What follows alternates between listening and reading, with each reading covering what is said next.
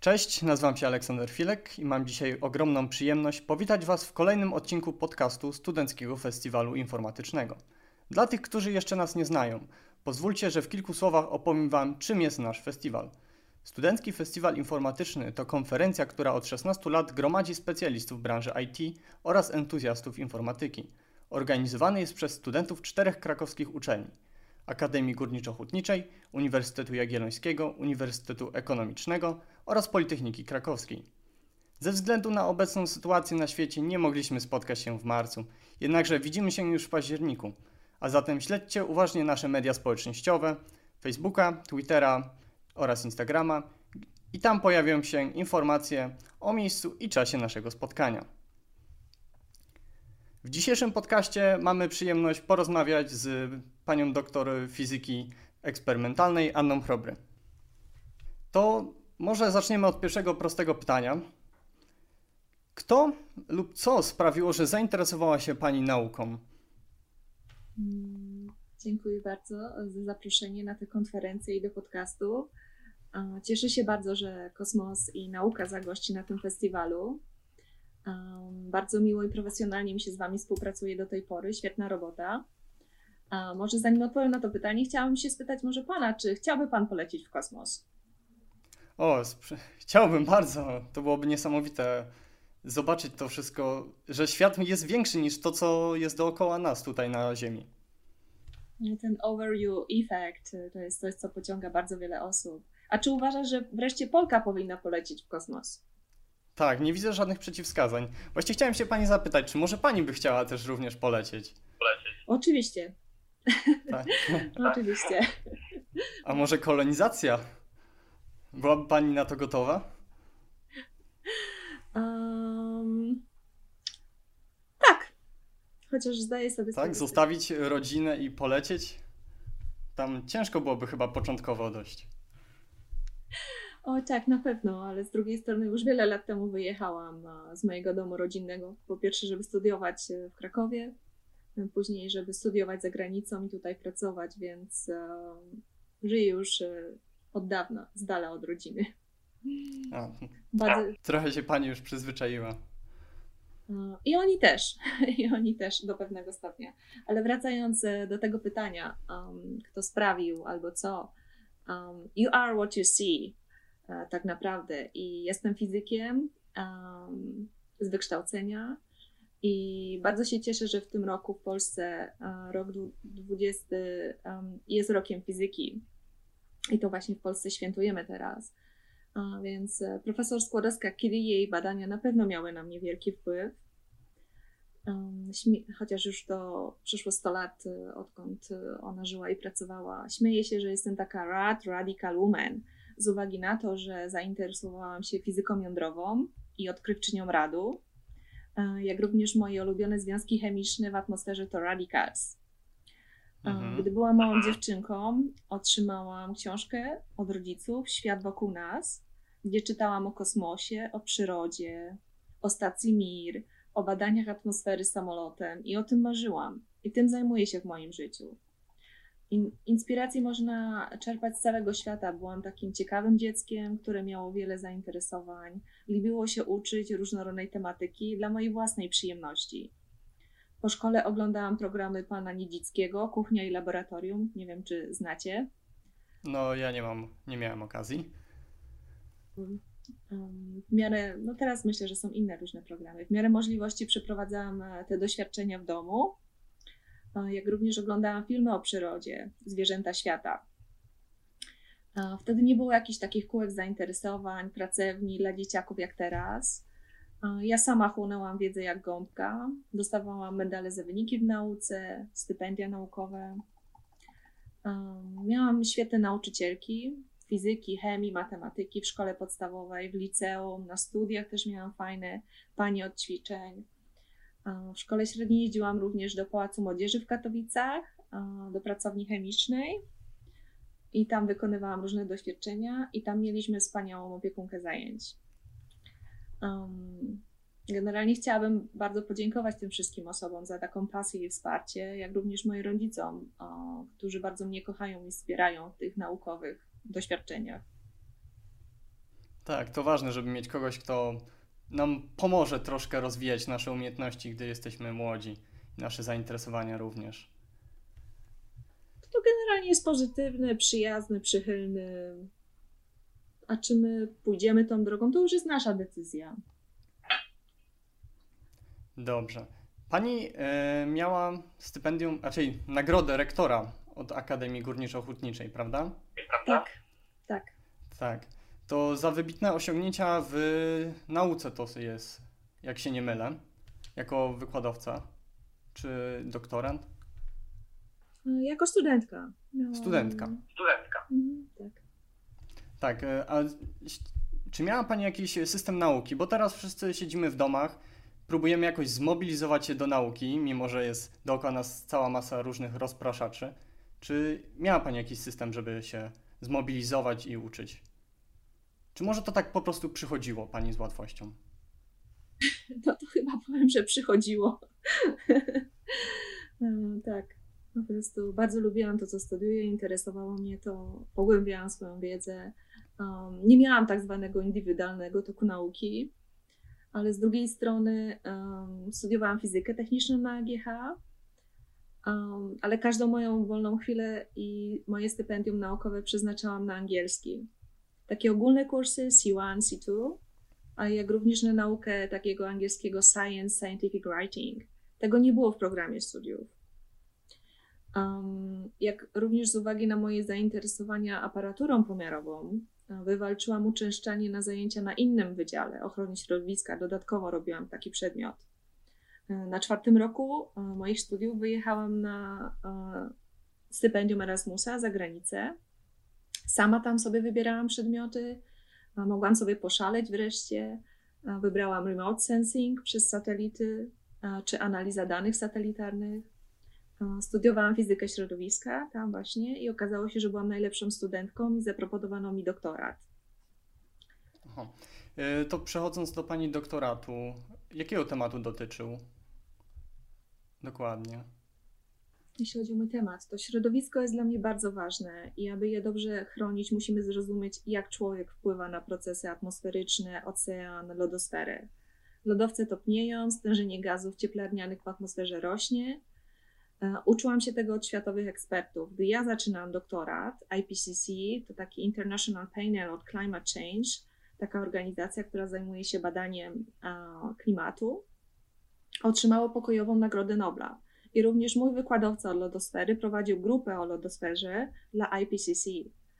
Um, doktorat z mojej fizyki uzyskałam właśnie tutaj w Bremie i a, taką ciekawostką jest to, zanim jeszcze o nim opowiem, że kiedy ubierałam się, ubierałam się o ten doktorat, nigdy wcześniej nie latałam samolotem, ani nie byłam nawet na lotnisku, a miałam zbudować urządzenie pomiarowe, które miało polecieć atmosferą, a, a polecieć e, samolotem. to w ramach mojej pracy doktorskiej zbudowałam urządzenie pomiarowe e, we współpracy z niemiecką agencją kosmiczną które później było zainstalowane na samolocie badawczym HALO. I to urządzenie mierzy poziom rodników w wyższych warstwach atmosfery i one są odpowiedzialne za procesy oczyszczania atmosfery. Urządzenie opiera się na metodzie pomiarowej, która się nazywa PERKA i jej pionierem był mój właśnie promotor. Te, te procesy oczyszczania atmosfery są bardzo skomplikowane, a w głębszym ujęciu Wpływają też na natężenie globalnego ocieplenia, na powiększanie się dziury ozonowej czy smog w wielkich miastach. Um, Halo z moim urządzeniem nadal lata i zbiera ważne dane. I ten właśnie samolot miał być pokazany teraz na ILA, na tym Air Show w Berlinie dla publiczności, ale wydarzenie to zostało odwołane. No tak, przez y, zapewne koronawirusa, tak? Tak, dokładnie. Może będzie, może będzie jeszcze okazja. A czy planuje Pani jakiś e, powrót do tego zainteresowania ochroną środowiska i dalej pracować nad e, tym zagadnieniem? Tak, środowisko jest dla mnie nadal ważne. Staram się um, uświadamiać ludzi o tym, co się dzieje. Um, niestety nie mamy kamerki, ale teraz e, jak, jakbyśmy się zobaczyli, zobaczyłbyś, że w piątek właśnie zawsze noszę taką chustkę, gdzie jest napisane właśnie ochrona środowiska, ochrona klimatu, że nie mamy czasu, że powinniśmy już teraz zacząć o to dbać. Właśnie w piątki jest ten taki klimatyczny strajk, właśnie też e, do tego dołączam, jeśli jest możliwość, jadę na właśnie strajki gdzieś tutaj w Niemczech. Organizowałam sprzątanie mojego miasta tutaj w Bremen e, z kolegami z firmy. Sprzątaliśmy śmieci, które później niestety by wylądowały e, w rzece, a później w oceanie. Więc generalnie staram się nie jeździć gdzieś daleko albo nie latać. Preferuję rower jako środek komunikacji cały rok. Dobrze, dziękuję. Czyli bardzo dalej się Pani tym interesuje, tym tematyką, ale jednak y, zawodowo zdecydowała się Pani na przemysł kosmiczny. To prawda, tak? Tak. tak. tak. Co na to wpłynęło? Bo to duży przeskok jest z y, ochrony środowiska na technologię kosmiczną. Um, tak. Z jednej no, strony tak. No, nie wiem. Tak mi się Można wydaje. Jestem Jestem Sheldonem, tak naprawdę, z Big Bang Theory, jestem fizykiem, ale tak naprawdę mam rocket fuel in my blood. Śmieję się tak po prostu o mnie. Pochodzę z Sosnowca, to jest rejon śląski, gdzie jest UFO Spodek. I mieszkam tak. w mieście w Bremen, tak. gdzie również jest UFO, Uniwersum, to takie techniczne muzeum. Więc takie kosmiczne przygody już zaczęłam od dzieciństwa. Miałam takie świetne początki. Mój tata interesował się nauką, astronomią, oglądaliśmy razem i nadal oglądamy przeróżne filmy fantasy, science fiction, o podróżach. E, słuchaliśmy razem muzyki Jean-Michel Jarre, e, który ostatnio właśnie zrobił bardzo piękne show w planetarium w Hamburgu, Planeta Żar, które też ma różną tematykę kosmiczną. E, do planetarium też mam taki sentyment, gdyż w planetarium śląskim odbyłam moją praktykę studencką. Więc eksploracja kosmosu to moja pasja tak naprawdę od zawsze, ale tych pasji mam wiele. Już na studiach e, dumałam nad takimi konsekwencjami równania Ciałkowskiego, um, że nie osiągniemy prędkości światła takimi zwykłymi napędami paliwowymi, więc jak tu odbywać e, międzygalaktyczne podróże. I uważam, że to niezwykle ciekawe, interesujące i porywające to, co się dzieje w przemyśle kosmicznym. Jest mnóstwo e, wyzwań, na przykład pojazd, który e, doleci na Księżyc z pierwszą kobietą na pokładzie, albo jak będzie wyglądała telekomunikacja w przyszłości, jak to będzie wpływało na świat. E, rozumiem. A tak z ciekawości, bo wspomniała Pani o tej prędkości światła, że przydałoby się w kosmosie, żeby jednak większe te prędkości rozwijać. Czy sądzi może Pani, że są jakieś takie inne sposoby, e, dzięki którym moglibyśmy lepiej się poruszać? Szybciej raczej? Czy to raczej nie byłoby zbyt prawdopodobne? Myślę, że jest e, bardzo, bardzo wiele e, elementów, które trzeba brać pod uwagę w takich podróżach kosmicznych. Um, jednym z nich na pewno dotyczy, jak osiągnąć pewnego rodzaju prędkości, ale z drugiej strony też, jak chronić po prostu ludzi przed promieniowaniem kosmicznym. Jesteśmy istotami, które żyją na Ziemi, mamy tutaj ten komfort, że um, mamy pole magnetyczne na Ziemi, które chroni nas. I odbycie takiej podróży kosmicznej przez wiele lat wpłynie na pewno na nasze ciało i na naszą psychikę. I myślę, że fakt, że jesteśmy um, organizmem żywym, ma na naj... teraz chyba jest najważniejszy. Nad tym powinniśmy przede wszystkim popracować. Teraz właśnie z uwagi na koronawirusa wszyscy zwracają właśnie uwagę na to, jak się człowiek zachowuje, kiedy jest zamknięty, jest w ograniczonej przestrzeni, z małą ilością osób, z małą ilością bodźców, jak to na nas wpływa. No niestety dość negatywnie bardzo wiele osób niezbyt dobrze to znosi. Więc myślę, że to też jest taki aspekt ludzki, na którym się przede wszystkim powinniśmy zastanowić i to rozwiązać. Czyli zwiększenie bezpieczeństwa. To powinien być cel, jakiś taki nasz e, teraźniejszy. Przede wszystkim, przede wszystkim, przede wszystkim. Dobrze. Nie ma sensu na wysłać kogoś gdzieś, gdzie ktoś mhm. będzie zestresowany, um, nie będzie mógł funkcjonować, oślepnie i tak dalej. O, przerażające. No nie dałoby się na pewno sterować statkiem kosmicznym w takim e, warunkach. E, A jak jesteśmy przy statku kosmicznym, to pracowała Pani nad projektem Orion. Przy silnikach, je, jeżeli się nie mylę. Tak?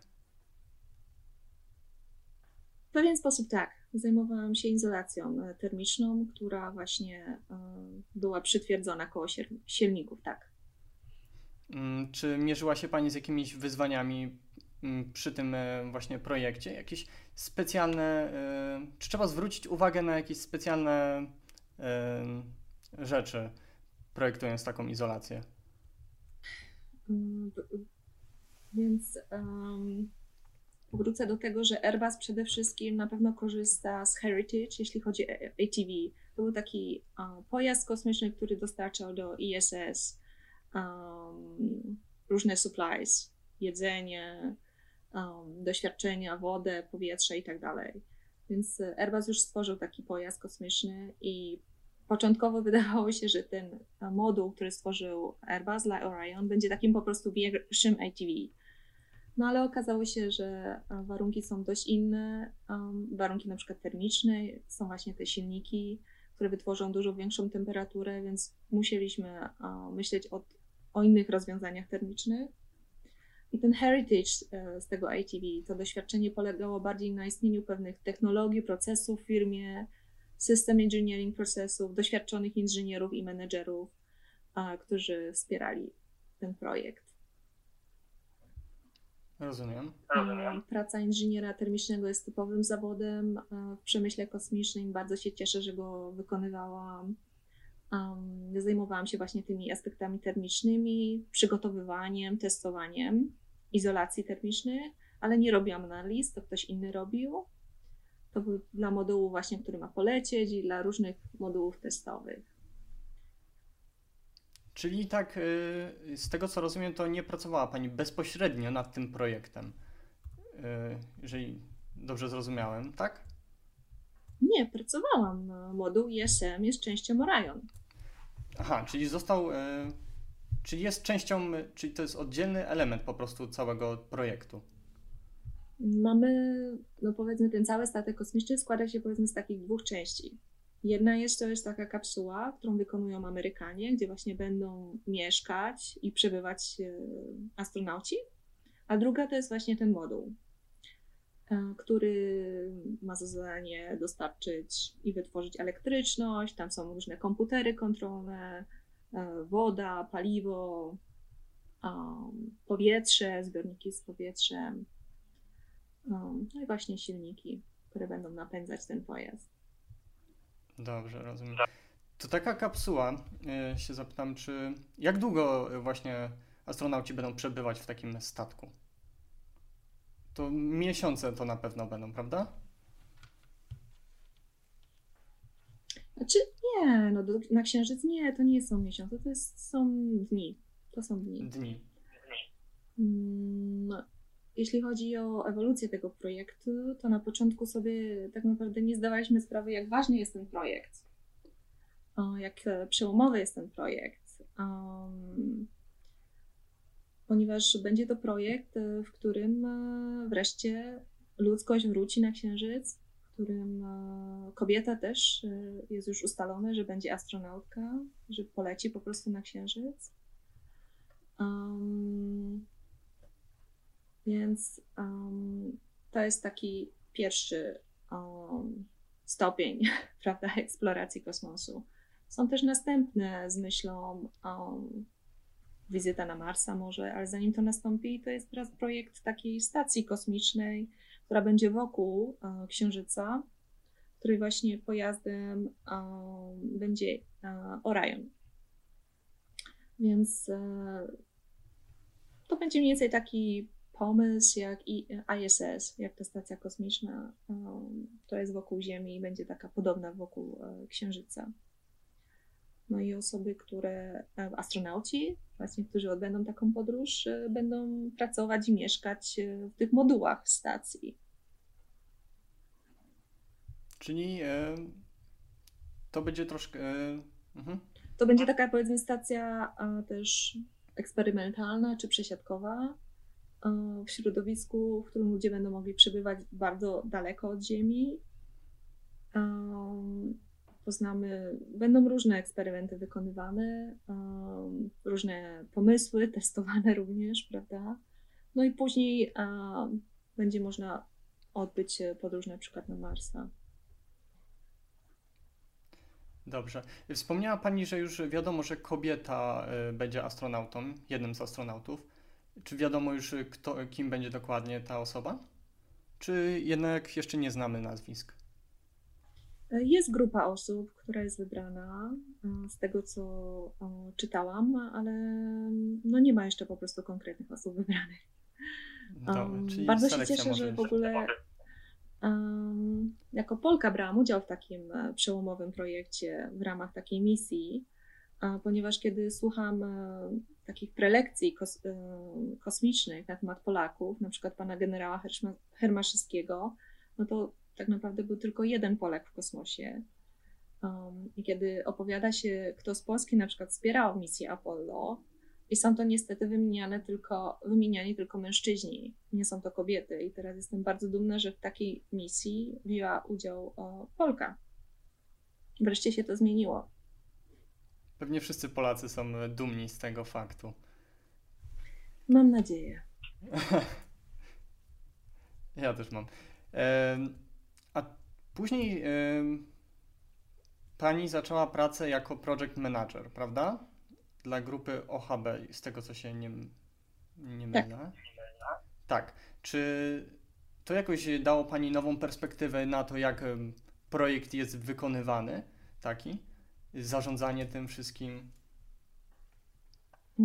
Nie do końca, ponieważ każda moja praca, każdy mój projekt, czy na doktoracie, czy w Airbusie, zawierał takie e, pierwiastki techniczne i koordynacji projektem. Byłam też odpowiedzialna za planowanie, za budżet, za jakość, za wybór dostawców, za techniczne rozwiązania i pracowałam z teamem, więc teraz nagle nie znalazłam się w takiej nowej dla mnie sytuacji. Um, w czasie pracy nad takim skomplikowanym problemem, który ma wiele e, requirements, wiele stakeholders, są różne interfaces, um, zmiany w projekcie i konsekwencje tych zmian. Um, I zawsze mnie to wszystko pociągało i istnieje tak wiele rozwiązań technicznych, ale też bardzo ważne jest, aby to dostarczyć rozwiązanie na czas i w odpowiedniej cenie. Um, bardziej śmieję się o, sobie po prostu, że jestem takim menedżerem albo znawcą ikebany. To japońska sztuka układania bukietów, bo układam właśnie takie bukiety z różnych elementów, jakim są moje e, projekty, skomplikowanych elementów. No to prawda, to trochę jak puzzle, choć może puzzle, gdzie za każdym razem możemy ułożyć coś innego całkowicie prawda? Je, zmienimy jedną rzecz i już będzie inny efekt końcowy.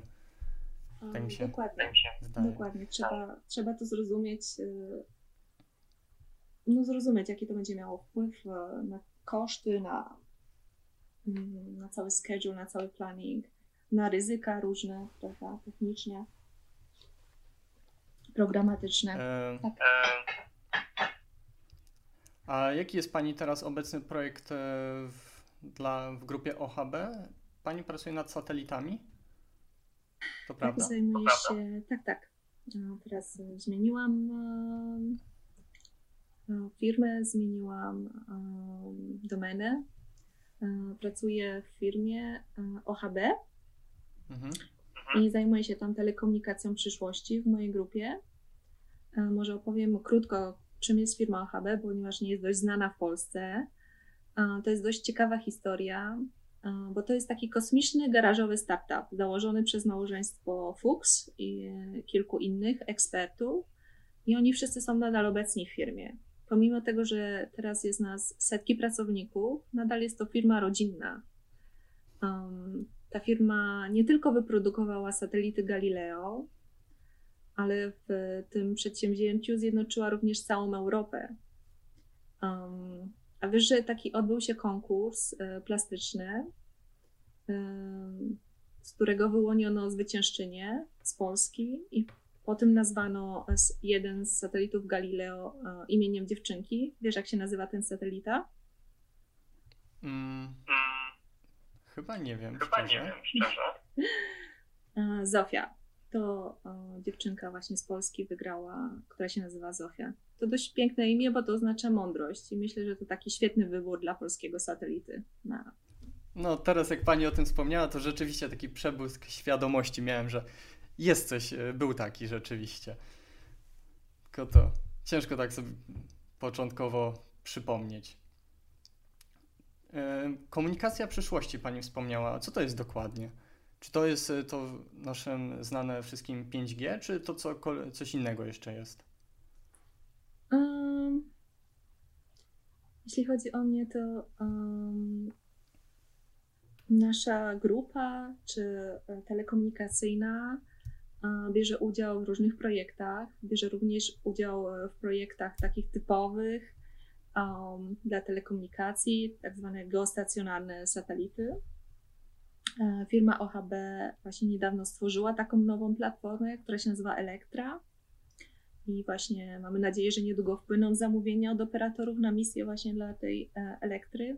Ale jednak od kilku lat rynek zamówień na takie wielkie satelity um, ma pewien spadek zamówień.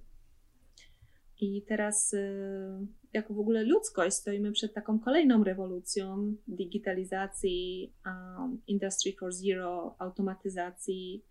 Um, I weźmy na przykład taki przykład samochodów autonomicznych. Infrastruktura naziemna nie występuje w jakichś odległych terenach, w lasach czy wsiach, w górach. I bez y, tak naprawdę wsparcia satelitów taki samochód nie będzie funkcjonował poza miastem. Jednak e, z kolei um, czas, jaki, uh, który się nazywa latency time, czyli czas komunikacji pomiędzy jakimś odbiornikiem a satelitą, dla satelity stacjonarnego, geostacjonarnego jest zbyt długi. Więc musimy się opierać na satelitach, które są bliżej Ziemi i przez to potrzebujemy właśnie konstelacji. No i jest to dość naturalne, że również OHB zainteresowało się właśnie konstelacjami, um, i um, aplikacjami, prawda, zastosowaniami takich e, konstelacji.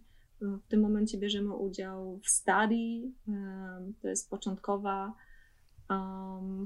taka faza takich projektów. No więcej nie mogę powiedzieć, ponieważ to już należy do danych e, prywatnych firmy.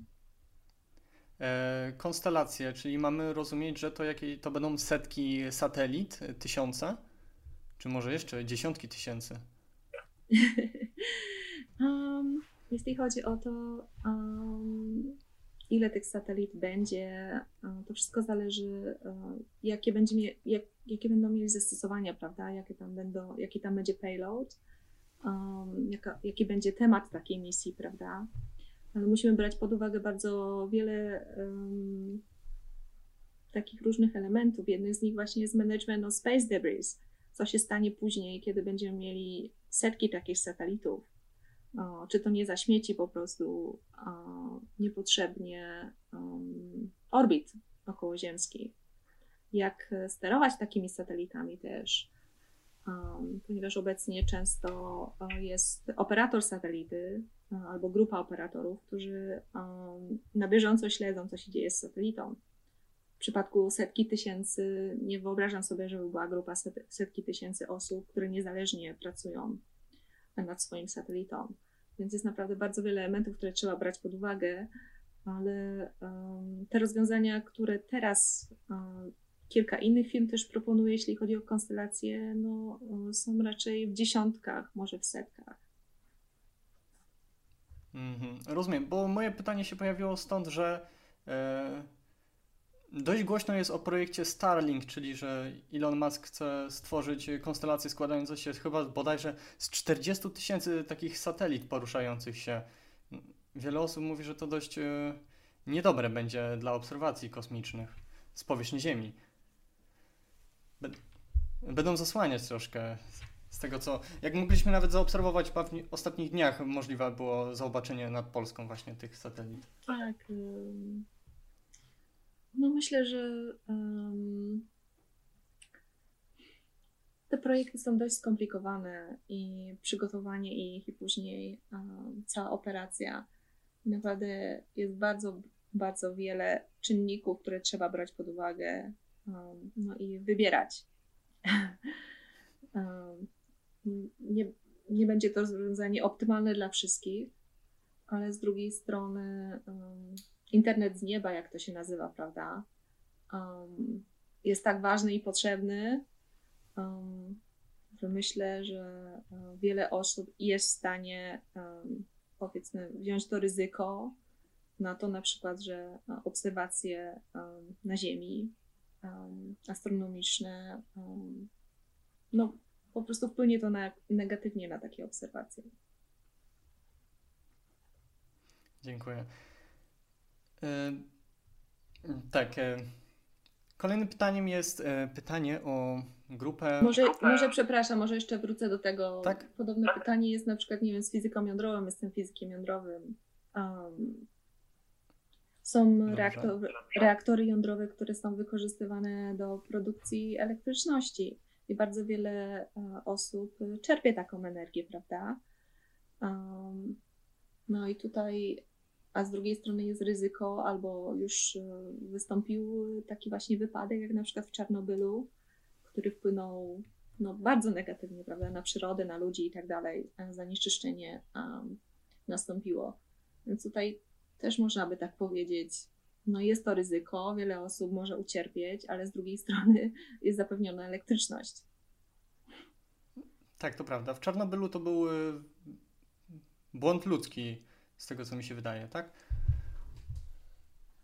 No to są długie historie. Po prostu, no, te po prostu reaktory są tak stworzone, że um, jest tak zwany positive feedback, niestety tam, i um, przy, przy nieodpowiednim sterowaniu tym reaktorem, no może po prostu automatycznie wystąpić taka właśnie awaria. no ale te reaktory są też stworzone właśnie, żeby produkować paliwo jądrowe um, do militarnych uh, zastosowań, więc kolejny właśnie taki trade-off, taki kompromis powiedzmy. Można dbać, o, można dbać o obronność powiedzmy swojego kraju, ale niestety jest to właśnie ryzyko, że taki reaktor um, może mieć awarię, jeśli nie jest odpowiednio operowany. Czy mamy się czego bać e, właśnie przez, od takich reaktorów? Bo w Polsce są dość, e, jest dość negatywne chyba nastawienie w stosunku do tego, bo mamy ciągle w pamięci właśnie tą e, wypadek w Czarnobylu. No ja myślę, że ten wypadek, który był w Japonii również przy okazji tsunami. Fukushima. Kiedy właśnie um, dość bezpieczny typ reaktora um, z dość dużymi takimi zabezpieczeniami, bezpie takimi marginesami bezpieczeństwa. No jednak wydarzył się taki wypadek, e, takie tsunami przyszło, że jednak e, nie przewidzieliśmy tego. Więc e, myślę, że bardzo jest takich wiele elementów, które musimy brać pod uwagę. Nie tylko reaktory, ale ogólnie na to, że opieramy się na spalaniu paliw kopalnych również. Czy powinniśmy odchodzić właśnie od tych paliw kopalnych i przechodzić bardziej na reaktory atomowe, jądrowe? Tak? No, taką stronę to bym też nie szła. Też nie, też nie odejść całkowicie. Też nie, raczej jakaś dywersyfikacja. Um, chyba wydaje mi się, że Szwajcaria jest takim właśnie ciekawym krajem, gdzie oni się właśnie opierają na jądrowej. Um, elektryczność, znaczy na elektryczność, która jest wytworzona właśnie przez reaktory jądrowe i na elektryczności z, z wody, tak to się nazywa po polsku. Mhm. Hydroelektrownie to są wtedy Hydroelektrownie, tak? dokładnie. To, to bardzo ciekawe, że z jednej strony taka czysta, ekologiczna powiedzmy energia, a z drugiej strony um, no chyba wydaje mi się, że to właśnie Szwajcaria jest takim przykładem.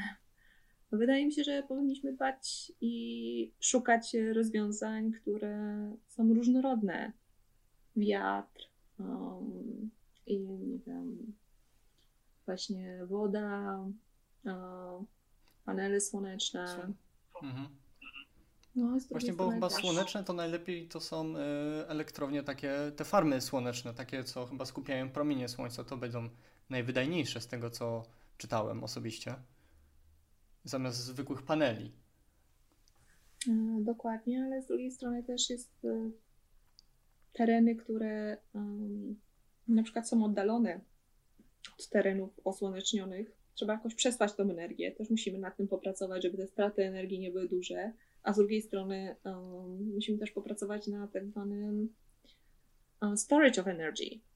Kiedy na przykład mhm. zostanie wytworzona jakaś energia wiatrowa, nie możemy jej wykorzystać, ale żeby ją gdzieś przechować i na przykład wysłać później w tereny, które potrzebują to też y, taka infrastruktura jest potrzebna i musimy nad tym popracować. Magazynowanie energii jest dość skomplikowane chyba. Z tego co wiem, to w Polsce rozwiązane jest to przy pomocy zbiorników wodnych i, zmiany ich e, chyba zapełnienia czy coś takiego na górze żar. Te zbiorniki właśnie mogą być wykorzystywane jako zbiorniki właśnie powiedzmy energii, tak powiedzieć, zbiorniki wody pitnej, zbiorniki wody, znaczy takiej regulacji, prawda, rzek,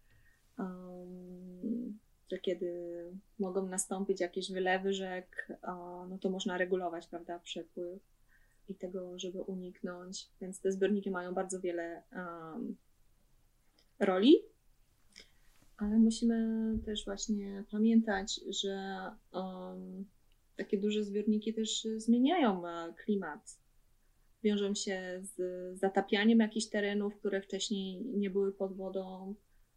Um, no i zmienia to ogólnie przepływ wody, prawda, w tych terenach. To właśnie ta wielka, wielka taka tama, która powstała w Chinach, e, spowodowała dość wiele, wiele zmian.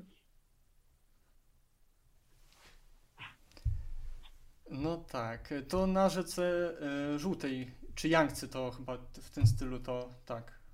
Ale dzięki temu wiele y, osób ma dostęp do prądu. No coś dokładnie, więc y, już o tym kilkakrotnie właśnie teraz rozmawialiśmy. No musimy po prostu brać pod uwagę taki dość rozległy obraz, prawda, różnych czynników, różnych pozytywnych i negatywnych aspektów i po prostu oceniać, prawda, każdorazowo to pod uwagę. Chyba nie jesteśmy w stanie stworzyć takiego zasilania perpetuum mobile, jak to na filmach niektórych możemy znaleźć. Zawsze są jakieś koszty, musimy ponieść. Tak. tak. Choć takie byłoby ciekawe rozwiązanie. Choć ostatnio y, słyszałem o zimnej fuzji. Czy to może być jakieś rozwiązanie dla nas, dla naszej przyszłości? To jest skomplikowane zagadnienie. Um, generalnie, jeśli chodzi o fizykę jądrową, to um, kiedy właśnie odkryto radioaktywność, odkryto później e, to, że um, neutron tak naprawdę może zapoczątkować e, reakcję jądrową, na przykład z uranem, no i spowodować rozpad tego jądra i wytworzenie energii.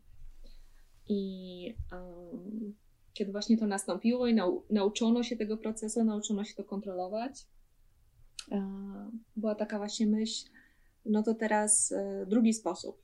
Te lżejsze jądra połączymy i przez to właśnie wytworzy się energia w postaci e, tej fuzji, prawda, jądrowej, tej gorącej po prostu plazmy. No ale tyle lat minęło i tego nie dało się osiągnąć. Nie mamy procesu, który kontrolujemy i który nam daje energię. Um, no i właśnie z uwagi na to, że właśnie potrzebne jest bar wytworzenie bardzo wysokiej te e, temperatury i później kontrola takiej plazmy jest dość skomplikowana. No na razie nie jesteśmy w stanie wytworzyć jakiegoś takiego urządzenia, które będzie działało.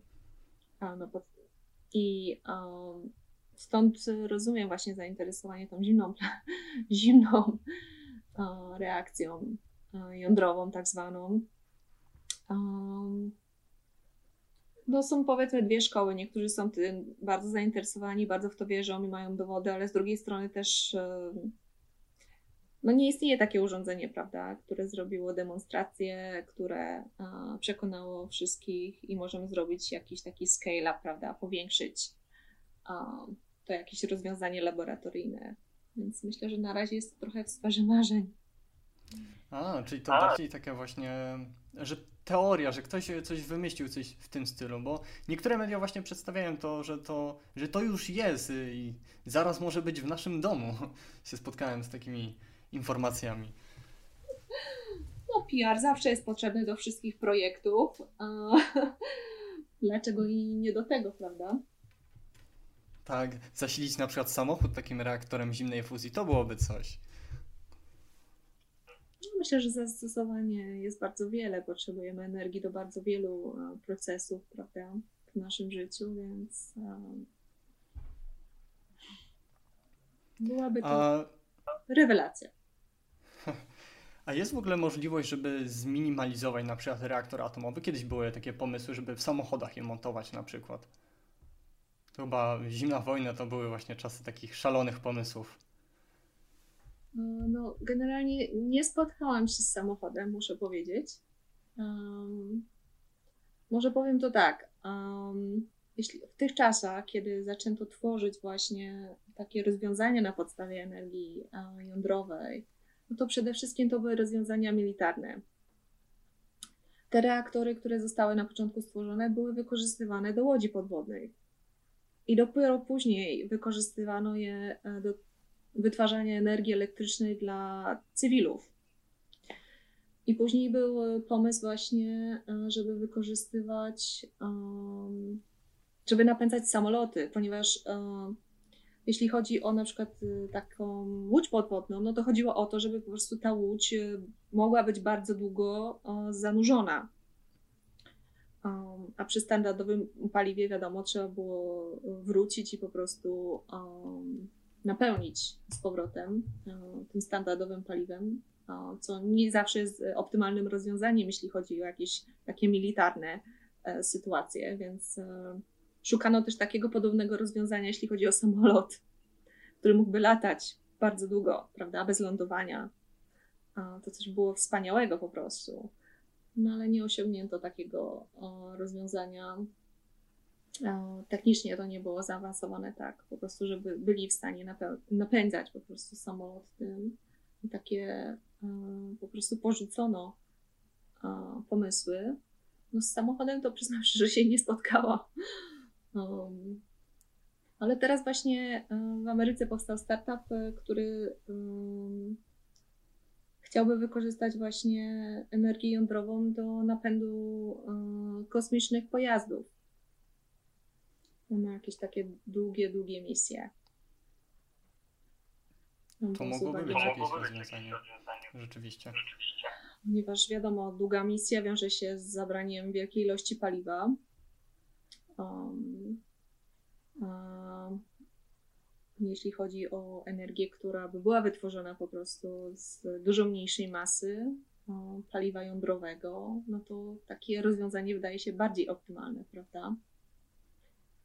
No ale zobaczymy, jak to pójdzie. Bardzo im e, głęboko kibicuję, ponieważ e, tworzą jakieś nowe rozwiązanie, prawda?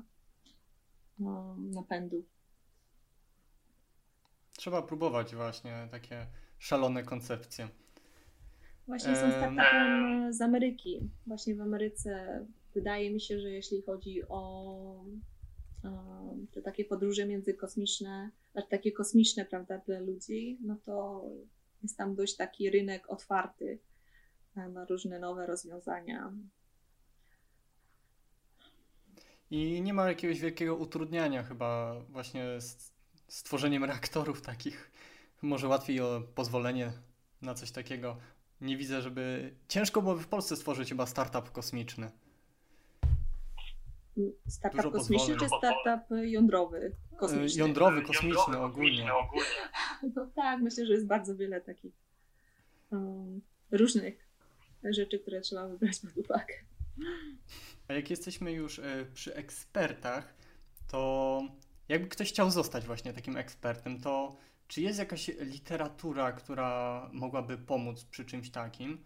Bo tak, no ciężko wpisać e, książki o przemyśle kosmicznym czy jądrowym, które w dość taki e, przystępny sposób to opiszą chyba. Zna Pani jakieś takie pozycje, które można polecić? Hmm, ja rozumiem, że pan Elon uh, mówi o tym zawsze, że wszystkiego dowiedział się z książek, aby budować rakiety kosmiczne, tak? No, może, możliwe, że coś takiego powiedział. Mm, tak, e, dokładnie. Mówi, że wszystkie, że wszystkiego nauczy się właśnie z czytania książek. No trudno mi naprawdę poradzić jakąś jedną książkę. Z uwagi na to, że pracuję właśnie w firmie OHB, gdzie głównie zajmujemy się tak zwanym Systems Engineering, no to polecałabym książkę Systems Engineering by NASA. Oni ostatnio właśnie udostępnili PDF na swojej stronie i można sobie przeczytać. Jest ogólnie o procesie, o takiej metodyce tworzenia, prawda, takich skomplikowanych projektów. Um, Zawsze jakiś dobry sposób na rozpoczęcie. No, chociaż przyznam szczerze, że jest to dość e, skomplikowana tematyka, um, jeśli chodzi o Systems Engineering. Um, generalnie to, co ja polecałabym osobom, które chciałyby się zainteresować takim, um, taką pracą, prawda, taką karierą, taką opcją na życie, no to ja lubię też na przykład czytać różne biografie osób, które były, e, które są związane z kosmosem, na przykład Galactic Girls.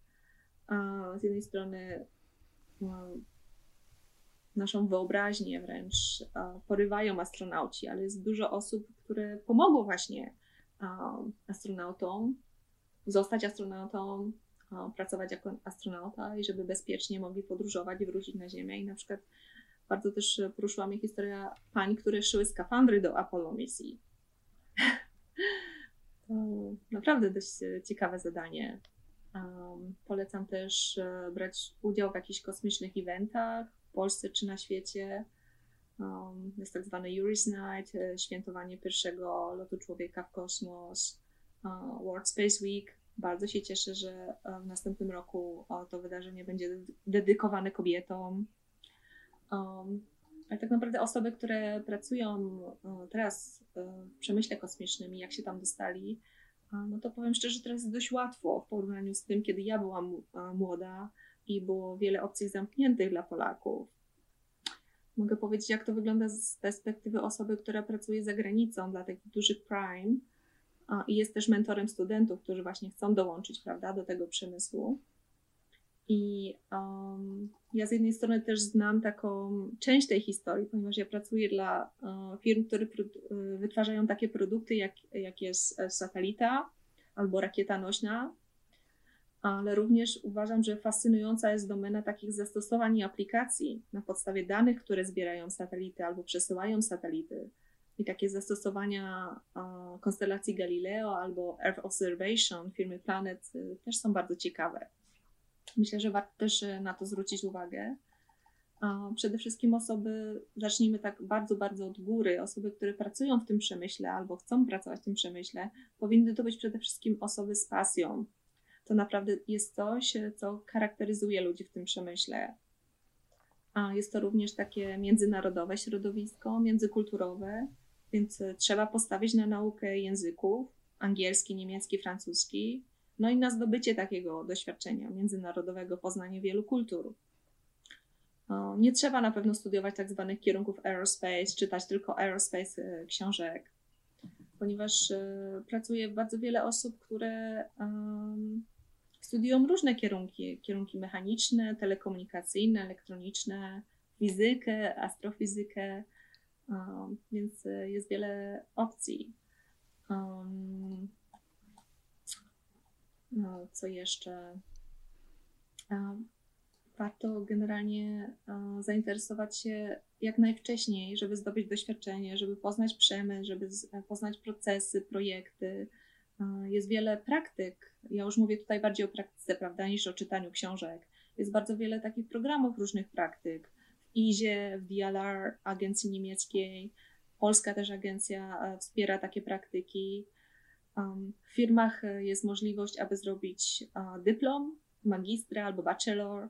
Oferują to różne firmy, jak Airbus, OHB, Ariane, różne firmy z Berlina, gdzie jest tak zwany New Space. Um, Jest też taka możliwość e, kształcenia dualnego, praca, studia, to się nazywa dual studium tutaj w Niemczech.